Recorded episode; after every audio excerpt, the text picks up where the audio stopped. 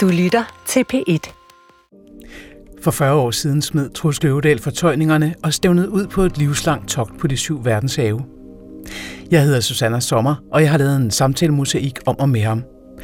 Det sidste afsnit af Drømmenes Kaptajn hedder Arven, og du skal høre fortællingen om, hvordan også moderne superindividualister har brug for eventyrinspiration, og om hvorfor det er vigtigt, at ens bankrådgiver har læst Kløvedal. Er en fribytter ikke en sejler, der flakker fra grøn til rødt, og vågnene stiger mod livet, men søvnigt mod alt, som er dødt.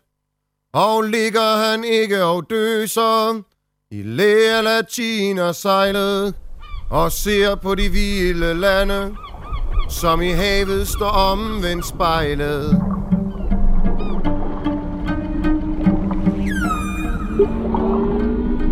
For hver bølge jeg rejser, krones jeg af det reneste hvide skum. Under et uophørligt ønske om at hvile min kind mod en anden kind, mærke dens varme og langsomt absorbere den.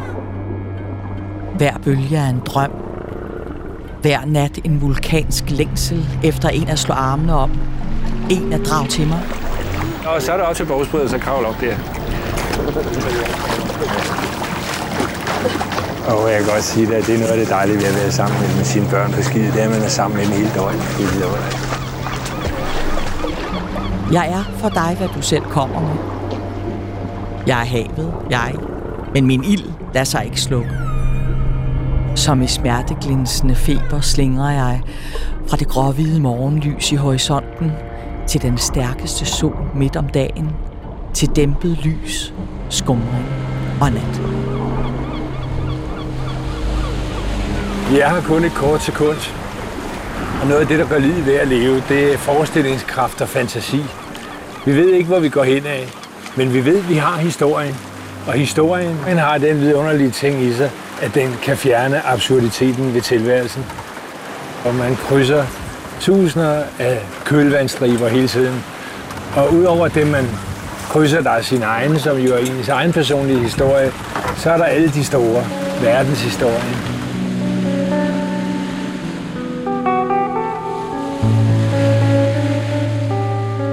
For mig blev der altså ikke nogen nordkæbertur med min mors hippieveninde dengang i 70'erne. Men det tændte havkærligheden. Fra mit værelse i den lille provinsby uden for Helsingør kunne jeg skimte Øresund mellem trækronerne, og i efterårs- og vinteraftenerne sad jeg og stirrede ud over vandet og ventede på, at Oslobåden sejlede forbi klokken 7. Den gled forbi som et stort lyshav ude i mørket. Jeg havde forlæst mig på havbøger og forestillet mig noget ala Titanic med palmehave, orkester, står det skækkede sømænd, knitrende kjoler og invitationer til at spise med ved kaptajnens bord. Jeg blev søspejder, lærte at splejse, jeg kan bruge et kompas og forstå et søkort. Men alt friluftslivet forsvandt i 80'ernes larmende røgfyldte punkhuler, og sømandskindet var åbenbart ikke veludviklet nok til at overdøve de fornuftige uddannelsesvalg, job og lejlighedskøb. Så jeg kom aldrig rigtig på langfart. Andet end når den unge boldværksmatros lå på skibsbriksen og drømte sig ud under de fjerneste horisonter sammen med drømmenes kaptajn. Jeg mødte Troels Kløvedal første gang på min forældres græsplæne med en af hans bøger i hånden, da jeg var ganske ung. Nikolaj Vedele, skipper og formand for det maritime værksted Hal 16 i Helsingør. Og jeg er bondedreng ude fra Vestjylland. Dengang der var det i virkeligheden bare en måde at flygte fra det liv, jeg var i, og, og tænke, wow, der er noget, der er helt anderledes end den her øh, triste tralletilværelse, hvor man går i skole om dagen og hjælper hjemme på gården om eftermiddagen, og man øh, murer ud, og man kører traktor, og man, man laver sådan nogle ting. På det tidspunkt var Troels jo så langt væk. Han var i en, kan man sige, for mig i en anden galakse. Han var sådan set bare et bevis på, at man kunne leve på andre måder, end den måde, jeg levede på. Jeg tror, det er meget vigtigt, at man ligesom siger, her har du dit liv, ikke? Og det, det er dyrebart, ikke? Jeg tror på det guddommelige, ikke? Altså, jeg tror på... Øh Ja, altså en af mine yndlingsdigtere, det er vores allesammens digter, Tøge Larsen. Han, han, han, han har en fantastisk evne i, i sine digte til ligesom at, og øh, hver gang han skriver en linje, så er det ligesom om han, han, han rører ved det stof, som er guddommeligt. Det er der, vi er blevet til, ikke? Altså når han skindrer sommernatten, eller tager en sten i hånden, eller ser et træ sveje for vinden, ikke? Så, øh, ja, så, så ved man, så der, der, det, det er nok noget af det tætteste, jeg fornemmer ved det guddommelige. Det er der, den der kosmiske bevidsthed om, at man er et, et, et menneske, der går rundt på den her klode, der drejer rundt om sig selv en gang i døgnet og en gang omkring solen på et år. Roterende med kloden, ikke? Jeg synes, livet er for kort. Nej, det er 120 år, 130 år, det vil passe mig fint. Du. Jeg tror, man skal beskæftige sig med døden. Ikke? Det har jeg set i så mange kulturer. At det, jeg tror, man simpelthen skal gå og vende sig til at lære, at man skal dø. Fordi ellers så tror jeg, det bliver forfærdeligt, når det pludselig går op for en, at det skal man rent faktisk. Ikke? Jeg tror, det er meget godt at gå og tænke på. Og det gør jeg sgu hver morgen tænker på, at det her det ender med et par meter jord over kistelåget. Ikke? Og det gør mig ikke ulykkelig. Tværtimod, det gør det meget, meget meningsfyldt, at øh, i dag, der, må der har jeg en hel dag, og jeg skal have en god oplevelse hver dag. Ikke? Og at, at, at, at, det, at det slutter, det er jo, det er jo dybt meningsfyldt. Ikke? Min bror og jeg, vi øh, fik en jolle forærende af vores moster, da vi var syv år gamle, og så lå vi og plaskede rundt med den lille klinkbyggede træjolle.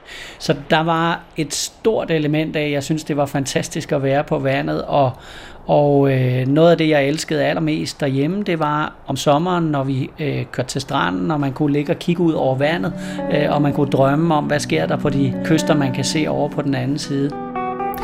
På den anden side af mit barndomshav lå Sverige. Jeg var helt overbevist om, at man bag den blågrå kystlinje kunne skimte de bjerge, som mit fædreland var så sørgeligt fattig på. Sverige. Hjemsted for bøje, Pippi, gule postkasser og rejsalat i hotdoggen. Når der var fødselsdag i familien, tog vi ind til Helsingør og entreede en af de store færger.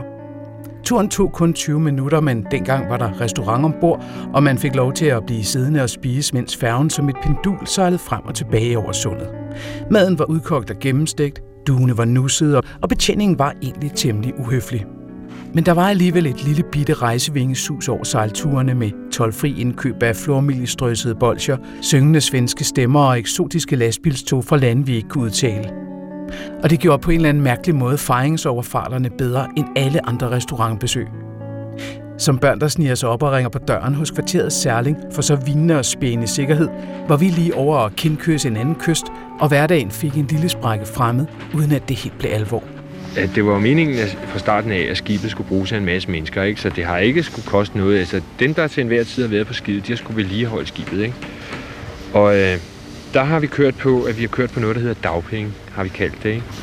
Og det vil altså sige, at hvis folk de havde penge, så skulle de give 3 dollar om dagen til skibet, og det var en 18 kroner om dagen eller sådan noget. Ikke? Og du kan selv regne ud, hvis der er en 4-5 stykker, der gør det, så er det en 100 kroner seddel, og det er en 3 3.000 om måneden. Og det er en 30-35.000 om året, og det koster det at køre det skib. Jeg tror, det koster det samme at køre det skib, som et parcelhus koster.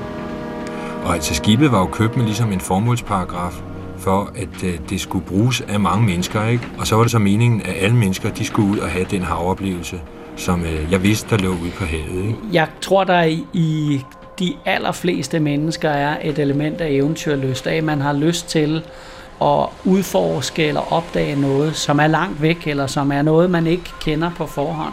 Det vi lavede med Nordkaberen, det ved jeg, at det har været en inspirationskilde for mange, mange, mange, mange mennesker. Ikke? Og det er jo ikke, fordi jeg synes, at alle mennesker de skal sætte gamle sejlskib i stand og sejle over på den anden side af jorden. Enten alene eller i kollektivt regi, eller hvad man vil kalde det, eller midt imellem. Det har jo også tit været en blanding. De største oplevelser, man har her på jorden, det er det, man har med andre mennesker. Og det er jeg ikke den første, der har fundet på at sige. Men det er ikke desto mindre sandt, ikke? Men det vi gør sammen er jo for det meste bare hyggeligt. En kop kaffe, kaffe, en middag, en slendretur langs søerne. Jeg kan ikke rigtig huske, hvornår jeg sidst har gjort noget sammen med mine venner. Skabt et eller andet, samlet et IKEA-møbel, sunget en sang. Noget, der krævede andet og mere end bare at trække vinen op i pænt tøj og velsiddende makeup. Vi ser altid hinanden fra den allermest civiliserede side, og kunne måske trænge til at ride en storm af sammen. Blive udfordret og være lidt på hælene, så vi også så alt det seje, sjove og sindssyge, der forhåbentlig gemmer sig et eller andet sted bag de nydelige titler og middelalderfornuften. Så havde jeg jo ligesom en lang periode, hvor jeg var i øh, rigtig meget i trædemøllen, kan man sige, og hvor jeg øh, havde en karriere, der gjorde, at jeg fik sejlet for lidt. Og det var en evig smerte i mig, øh, og noget, som jeg hele tiden blev udfordret med i forhold til mine egne værdier. Jeg skriver sgu i min første bog, at jeg aldrig vejer mere, end hvad der kan være i en plastikpose, og det mener jeg egentlig også, at man skal passe meget på at ikke at, at, at rave for mange ting til sig, fordi de binder en frygtelig. Og, og hele systemet står egentlig og drejer en på at købe, købe hele tiden, ikke? Og, og at man, man bliver meget hurtigt bundfanget af det der. På en eller anden måde, så det med at sejle, det er jo en eskapisme. Nej, jeg bliver rasende, hvis folk de kalder mig eskapist, så skal de sgu bare prøve på at komme ud i dårligt vejr eller et eller andet. Det er jo, at man kommer væk fra dagligdagen, og man kommer ud. Men ud over den eskapisme, så er det også der, hvor man får udvidet sin horisont, og man bliver mere rummelig og tolerant i forhold til resten af verden. Og det, der sker med mig, når jeg ikke kommer ud og sejler, det er, at jeg synes, at det hele det lukker sig helt rundt om, og jeg bliver sådan helt, du laver ikke det, der er det vigtige lige nu. Du er nødt til at komme derud, hvor der er højt til himlen, og der er øh, fyldte sejl, og du kan møde mennesker, som gør det samme, som du gør, eller møde mennesker, som er der, hvor du kommer frem, og som har nogle andre perspektiver på livet og på tilværelsen, end du har, og du kan lære af dem. Og det mangler, når jeg ikke kommer afsted. Derhjemme, der siger man jo, hver gang man har lyst til at gøre noget, som man, øh, ja, som man har lyst til, at man ikke gør, så gør, så, så gør man det ikke alligevel, fordi man siger, det kan ikke betale sig. Danskerne er fuldstændig syge i hovedet med, at det skal kunne betale sig. Ikke? Lige siden jeg var 6, 7, 8 år gammel og fik den jolle, der har jeg sejlet alt muligt, og jeg er ikke kredsen, jeg sejler i alt, hvad der kan flyde. Jeg elsker at være på vandet, og det er der, jeg finder min energi, og det er der, jeg finder min begejstring og, og for at være sammen med andre mennesker. Og det gjorde jeg jo i mange år uden overhovedet at kende Troels personligt andet end som et lysende forbillede. Jeg havde hans bøger med, da jeg sejlede over Atlanten første gang. Så når jeg sad på borgsbrydet op igennem Great Barrier Reef, øst for Australien, så var det med hans bøger i bagagen, og det var ham, der hjalp mig, som der var jo ikke andet 19 eller 20 år gammel, det var ham, der hjalp med at sætte ord på nogle af de oplevelser, som jeg fik. Jeg er ingen en forfatter, der er bange for det hvide papir. Jeg, jeg har det godt med det. Jeg synes, det er meget øh, sensuelt øh, at skrive. Ikke? Den øh, ligesom intellektuelle tilfredsstillelse, der er i det, ikke? den ligger lidt ligesom på kanten med at navigere. Ikke? Det, det ligger det, ikke?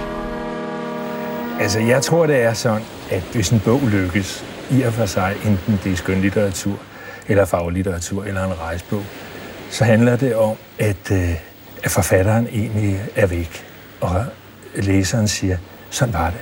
Den smerte, sådan havde jeg det. Eller det kunne jeg godt tænke mig at opleve. Eller altså, at det bliver et afsæt. Altså i den forstand er drømme jo et fantastisk godt afsæt til handling. Og jeg har jo opdaget, at lige meget hvad jeg skriver i mine bøger, eller hvad jeg laver af film eller holder af foredrag, så kommer der aldrig nogensinde til at ligne den virkelighed, som det rent faktisk er, at sejle små skibe ud over store oceaner.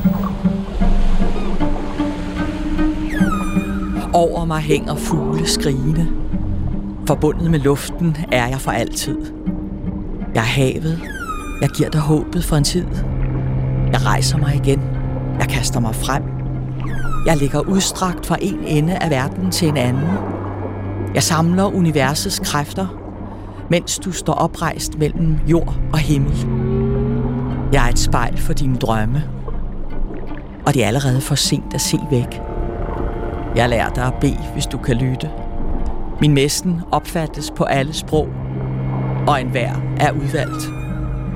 Jeg viser dig kærligheden. Berør dig varsomt. Jeg viser dig døden, hvor du skal tilbage til jorden eller mig.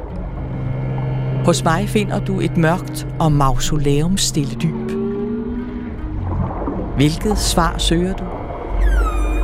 Der er ingen spørgsmål. Min generation er blevet ældre end nogle generationer før også. Ikke? Jamen bare for 100 år siden, der var gennemsnitsalderen i Danmark øh, sådan, i 50'erne. Ikke?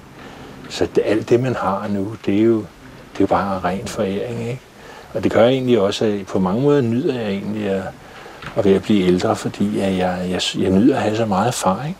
Der, der sker sådan en fylde, hvor man ligesom egentlig nyder farver og rum og, og venskaber og sådan noget. Måske er jeg bare ikke gammel nok til afklaret fylde endnu.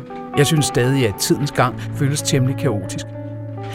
Da middagsselskabet begyndte, var der fuld gang i Legolej ved børnebordet, og da jeg lidt senere kiggede op fra en animeret bordherresamtale, havde min venindes søn fået skæg og spurgte, om han skulle køre mig hjem. Altså på din trehjulede cykel, tænkte jeg. Mens jeg bladrede i den brochure fra ældresagen, som jeg modtog på min 50-års fødselsdag, sammen med et kommunalt lorteprøvekit og et tilbud om screening for tarmkræft.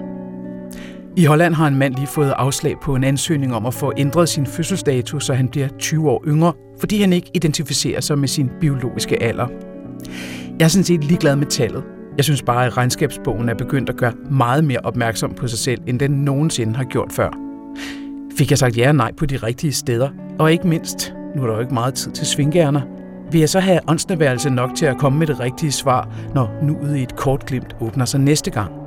Jeg stod nede i kælderen under Galatea-kron inde i København med en af mine gode venner, som sagde, at han skulle ud og sejle med Nordkaberen.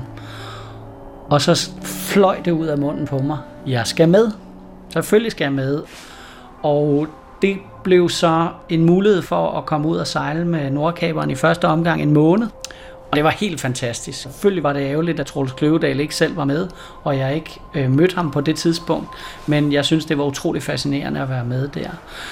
Og så kom jeg hjem, og så gik der nogle måneder, og så fik jeg først et brev, og så et telefonkald fra Troels Kløvedal. Han ville rigtig gerne møde mig lige der omkring, hvor han ringede til mig. Der gik jeg og passede gården for mine gamle forældre, fordi de var ude at rejse. Så jeg gik og malkede kør i, i gummistøvler. Han kørte til Sorø, hvor min forældres gård ligger en sommersøndag morgen, hvor solen skinnede, og jeg var lige blevet færdig med at malke, og vi satte os ud i haven. Og jeg var jo på samme tid både starstruck og nysgerrig på, hvad det egentlig var, han var ude efter.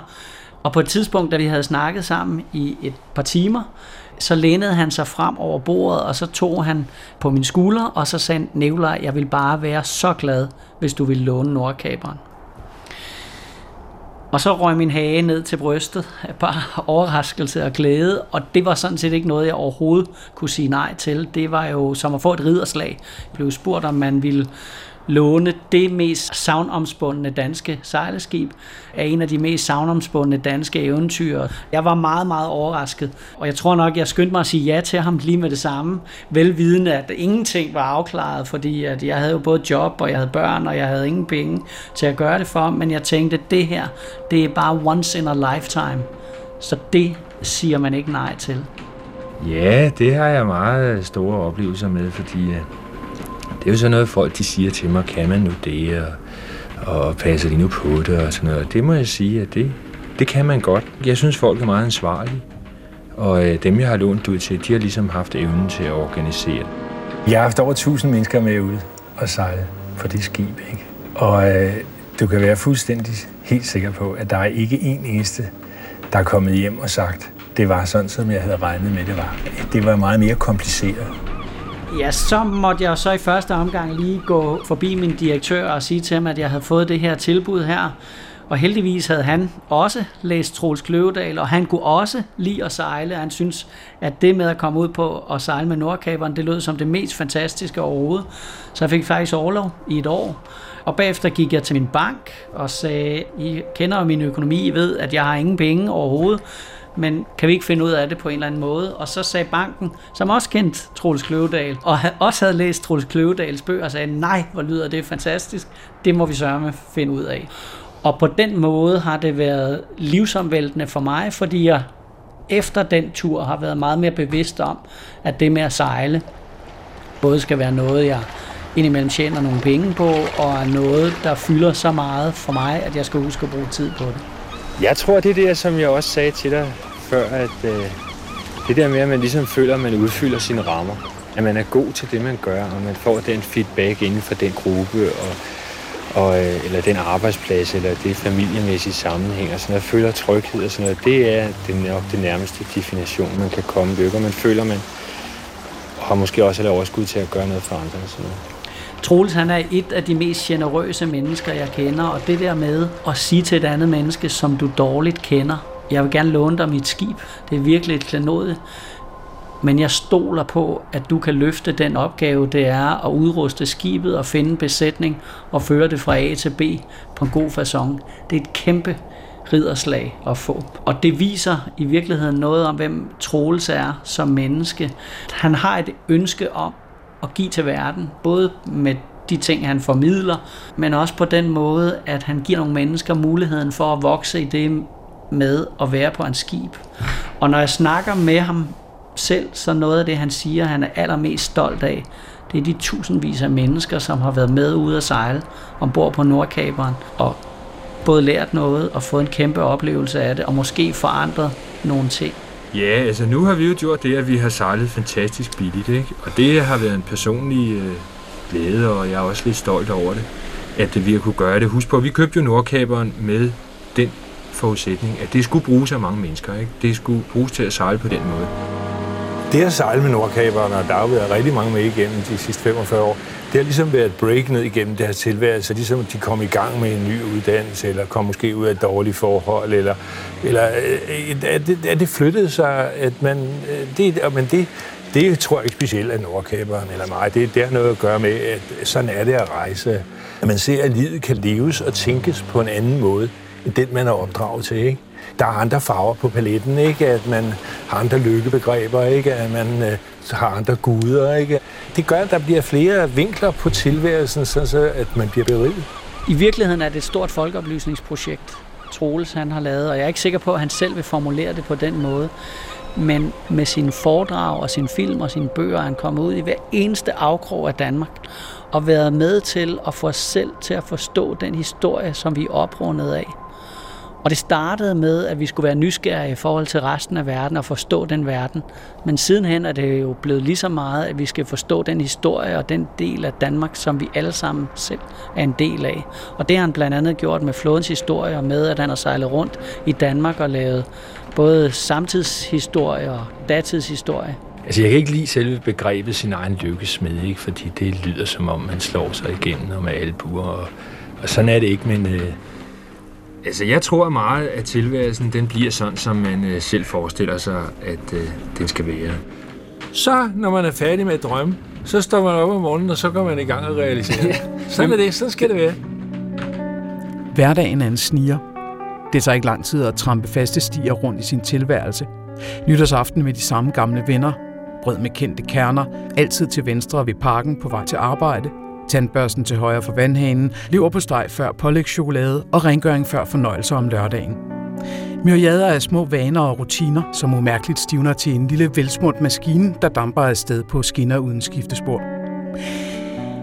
Og det er jo ikke fordi, det er vedtaget ved lov, eller man ikke kunne gøre noget andet. Så hvorfor er der så så få af os moderne superindividualister, der har udnyttet Skype-møderne, flekstiden, Google Docs og andre digitale lyksaligheder til at indrette os helt, helt anderledes og meget mere kreativt end 9-16.30, ferie i juli og bitte parmiddage i spisekøkkenet? Måske fordi vi ikke ser mulighederne inde bag hverdagens skyklapper, og stadig trænger til nogen, der kan viske os eventyrligheder i drømmeøret. Det med at blive inspireret af mennesker, som nok tjener penge, men bruger penge på en anden måde, end vi andre gør det. Blandt andet til at være nysgerrige og rummelige over for resten af verden. Og for at få os til at åbne vores horisont. Det var både vigtigt for 40 år siden, men det er stadigvæk vigtigt. Det fascinerende er, at når man så møder unge mennesker, så det, de er inspireret af, det er Troelses søn og børnebørn, som har taget Havana og sejlet jorden rundt og genfortalt historien om, hvad der sker, når man sejler rundt i verden. Og det tror jeg har lige så stor inspiration. Jeg har brug for de spøgelser, som jeg nu engang har brug for. Øh, når man sejler jorden rundt for eksempel, så sejler man jo ud, men man sejler jo også bare ud for at sejle hjem. Ikke? Altså, det er et dialektisk æg. Og på samme måde så er den klabautermanden og den flyvende hollænder det er altså også de to modsætninger, som man øh, må have et forhold til. Øh, altså, klabautermanden, ham opfatter jeg som øh, hammermanden, ikke? Altså, det nedværdige menneske, ikke? Sømanden uden skib, uden lykke, forladt af Gud og hver mand og alle vennerne, ikke? Og den flyvende hollænder, det opfatter jeg som øh, lykkeskibet, øh, som sejler i en stor stråle af, af den gode energi, Altså, den latterliggør middelmodigheden, og øh, det er et øh, oprørs- og frihedssymbol for mig. Det med, at Troels har skabt en fond, som skal drive Nordkaberen videre, er jo i virkeligheden et billede af, hvordan han selv startede Nordkaberen for mange år siden sammen med nogle gode venner. Det han har gjort nu, det er, at han har givet skibet til en fond, og så har han rundt om den fond, der har han skabt en gruppe, som dels består af hans fem børn, og 10 af hans rigtig gode venner, som kender skibet meget godt, og sagt, vil I ikke drive skibet videre? Og det er jo som et fællesskab, og vi er et fællesskab. Det nemmeste i hele verden for ham, det ville have været at sælge skibet til en eller anden velstående person. Det han gerne vil med det, det er at Nordkaberen skal blive ved med at være et fællesskabets skib. Og det betyder, at øh, man sejler så langt væk, som man overhovedet kan, og man sørger for at tage nogle mennesker med, som måske ikke ellers ville have mulighed for at komme ud og sejle. Nordkaberen er jo ikke et skib, hvor man sejler rundt i verden og drikker gin på agterdækket. Det er et helt andet skib, som er skabt til at være nysgerrig og åben, over for resten af verden og til at være et lærende skib. Øhm, og det er det, der er tanken med Nordkaberen. Når jeg, jeg kender nemlig også en øh, havfru i Agerhavet, og hun har lovet mig, at når jeg har sovet i tusind år, så skal jeg påmønstre på den flyvende hollænder. Og der skal jeg sammen med alle mine venner. Der gør vi det en gang til. Jeg er uden begyndelse, uden ende. Glid ind mellem mine isgrønne vægge. Mit skød løfter så højt for dig. Synk ned i mine bølger sugende virvler. En tunge af ild vil møde dig.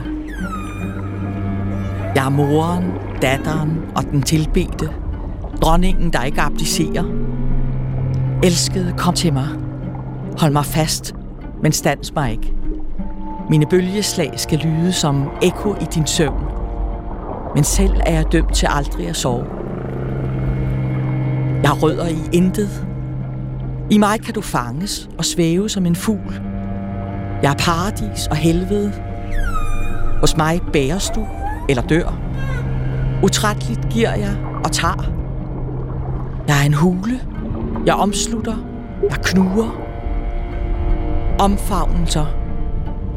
Evighed.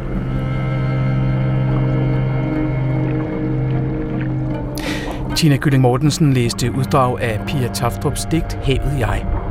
Drømmenes kaptajn er klippet sammen af interviews med Troels Kløvedal fra 1978 til 2013.